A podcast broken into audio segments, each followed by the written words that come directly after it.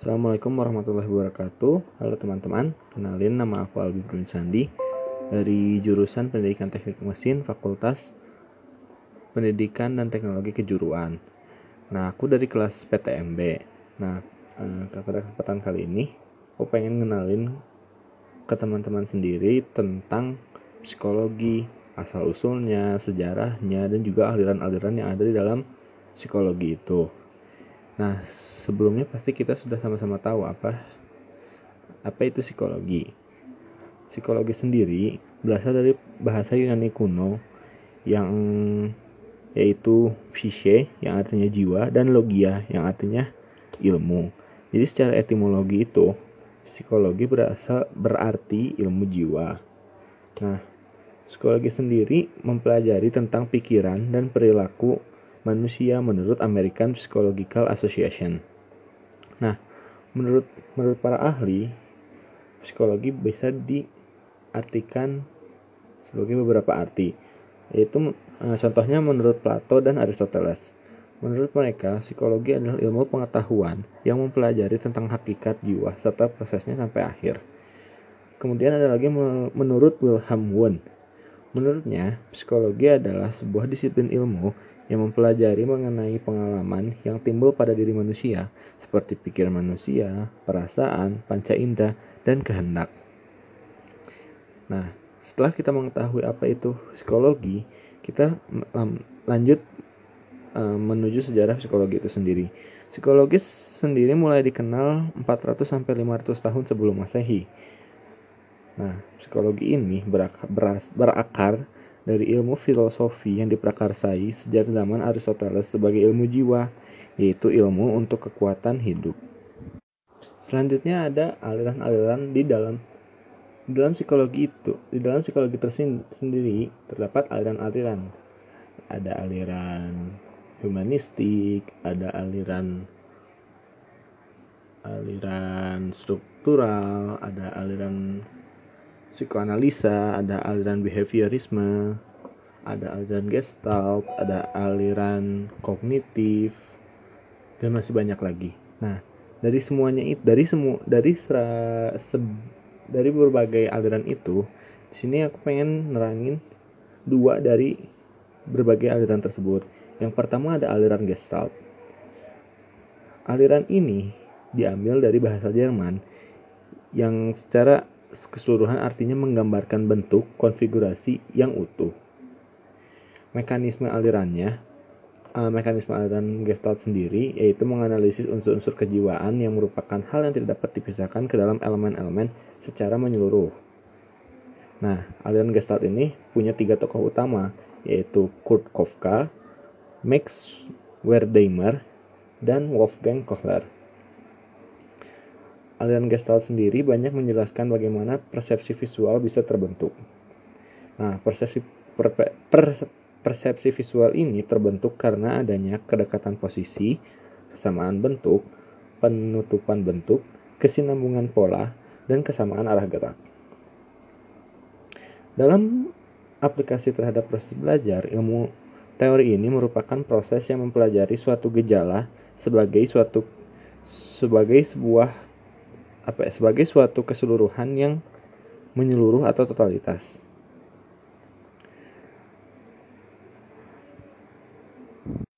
Nah, manusia sendiri pada dasarnya cenderung mempersepsikan sebuah gejala dari rangkaian pola-pola yang mirip sebagai sebuah, sebuah kesamaan serta satu kesatuan yang utuh. Sebagai contoh, saat kita melihat gejala yang sama dalam sebuah pola interaksi kelompok, memori kita akan mencari similaritas terhadap kesamaan bentuk yang ada dalam hal ini pola interaksi individu dalam kelompok.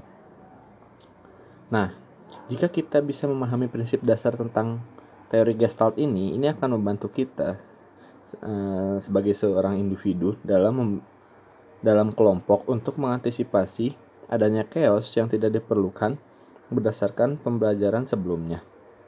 Nah, eh, teori Gestalt sendiri memiliki manfaat yaitu membantu melihat segala sesuatu lebih terperinci dan detail pada setiap fenomena yang terjadi di sekitar kita untuk dipahami sebagai gambaran besar.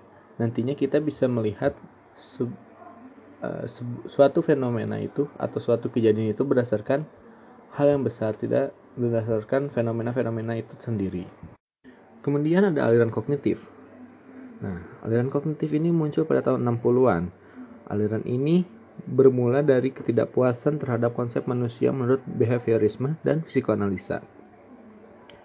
Aliran kognitif ini memandang manusia sebagai makhluk yang ber, bereaksi secara tidak memandang manusia, tidak lagi memandang manusia sebagai makhluk yang bereaksi secara pasif terhadap lingkungan, melainkan sebagai makhluk yang selalu berpikir atau homo sapiens.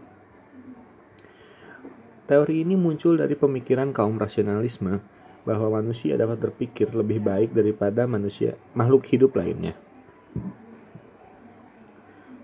Nah, teori kognitif ini mempelajari proses mental, bagaimana manusia berpikir, merasakan, mengingat, belajar di mana belajar di mana dan belajar di mana otak akan menjalankan fungsi utamanya yaitu berpikir. Aliran kognitif sendiri memiliki ciri. Yang pertama, dia ia mementingkan apa yang ada dalam diri manusia. Yang kedua, ia mementingkan keseluruhan daripada bagian-bagian. Yang ketiga, uh, ia mementingkan peranan kognitif. Yang keempat, ia mementingkan kondisi waktu sekarang. Yang kelima, ia mementingkan pembentukan struktur kognitif. Yang keenam, ia mengutamakan keseimbangan keseimbangan dalam diri manusia. Dan yang ketujuh, ia mengutamakan insight, yaitu pengertian dan pemahaman. Uh, teori ini juga memiliki prinsip-prinsip. Yang pertama, siswa bukan orang dewasa yang mudah dalam proses pemikirannya. Mereka mengalami perkembangan kognitif melalui tahapan tertentu. Yang kedua, anak usia prasekolah dan awal sekolah dasar akan dapat belajar dengan baik terutama apabila menggunakan benda konkret. Yang ketiga, keterlibatan siswa secara aktif sangat perlu untuk proses asimilasi, akomodasi pengetahuan, dan pengalaman yang terjadi dengan baik. Yang keempat, untuk menarik minat, meningkatkan retensi belajar dengan mengaitkan pengalaman dengan struktur kognitif yang dimiliki siswa. Yang kelima, pemahaman dengan retensi akan meningkat apabila materi disusun menggunakan pola atau logika tertentu dari sederhana ke yang komplit. Yang keenam, belajar memahami lebih bermakna daripada menghafal. Dan yang ketujuh, adanya perbedaan individual dalam diri siswa yang perlu diperhatikan seperti motivasi diri, persepsi, kemampuan berpikir, dan pengetahuan awal dan sebagainya. Nah, teori kognitif ini, menurut Ormo, Om, Ormrod, bisa diimplikasikan ke dalam proses pembelajaran. Yang pertama, doronglah siswa untuk berpikir tentang materi pelajaran dengan cara yang akan membantu mereka mengingatnya. Contoh, ketika mengenal, mengenalkan konsep amalia, minta siswa untuk memberikan banyak contoh.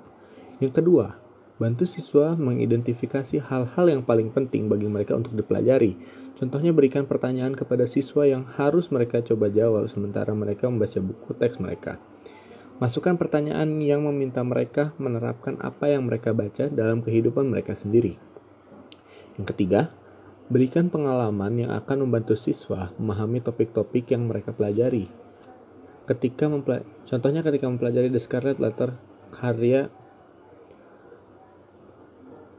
karya Nathal Nathaniel Hawthorne, bagilah siswa dalam kelompok-kelompok kecil untuk membahas kemungkinan alasan pendeta Arthur Dimmesdale menolak mengakui bahwa ia adalah adalah ayah bayi Hester Prynne. Yang keempat, kaitkan ide-ide baru dengan hal-hal yang telah diketahui dan diyakini siswa tentang dunia.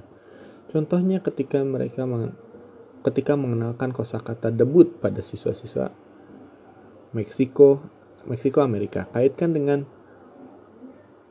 Quinceanera, sebuah pesta memperkenalkan kepada masyarakat yang dilakukan banyak keluarga Meksiko Amerika untuk anak-anak perempuan mereka yang menginjak usia 15 tahun. Yang kelima, pertimbangkan kelebihan dan keterbatasan dalam kemampuan pemrosesan kognitif anak pada tingkat usia berbeda. Contohnya ketika mengajarkan anak-anak TK, keterampilan hitung dasar Contohnya ketika mengajarkan anak-anak TK keterampilan hitung dasar, bantulah rentang perhatian mereka yang pendek dengan memberikan penjelasan verbal yang singkat dan libatkan anak-anak dalam beragam aktivitas berhitung aktif dan langsung. Dan yang terakhir, rencanakan kegiatan-kegiatan kelas yang membuat siswa secara aktif berpikir dan menggunakan mata pelajaran di kelas.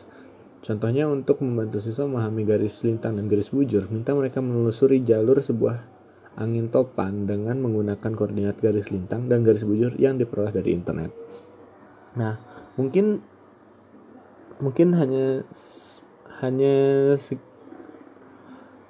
hanya sedikit yang bisa saya sampaikan untuk teori aliran-aliran psikologi ini dan semoga te, uh, pembelajaran kali ini dan apa yang telah saya, saya sampaikan bisa menjadi ilmu yang bermanfaat baik bagi yang mendengarkan ataupun bagi diri saya sendiri. Saya Albi Penulisandi pamit undur diri. Wassalamualaikum warahmatullahi wabarakatuh.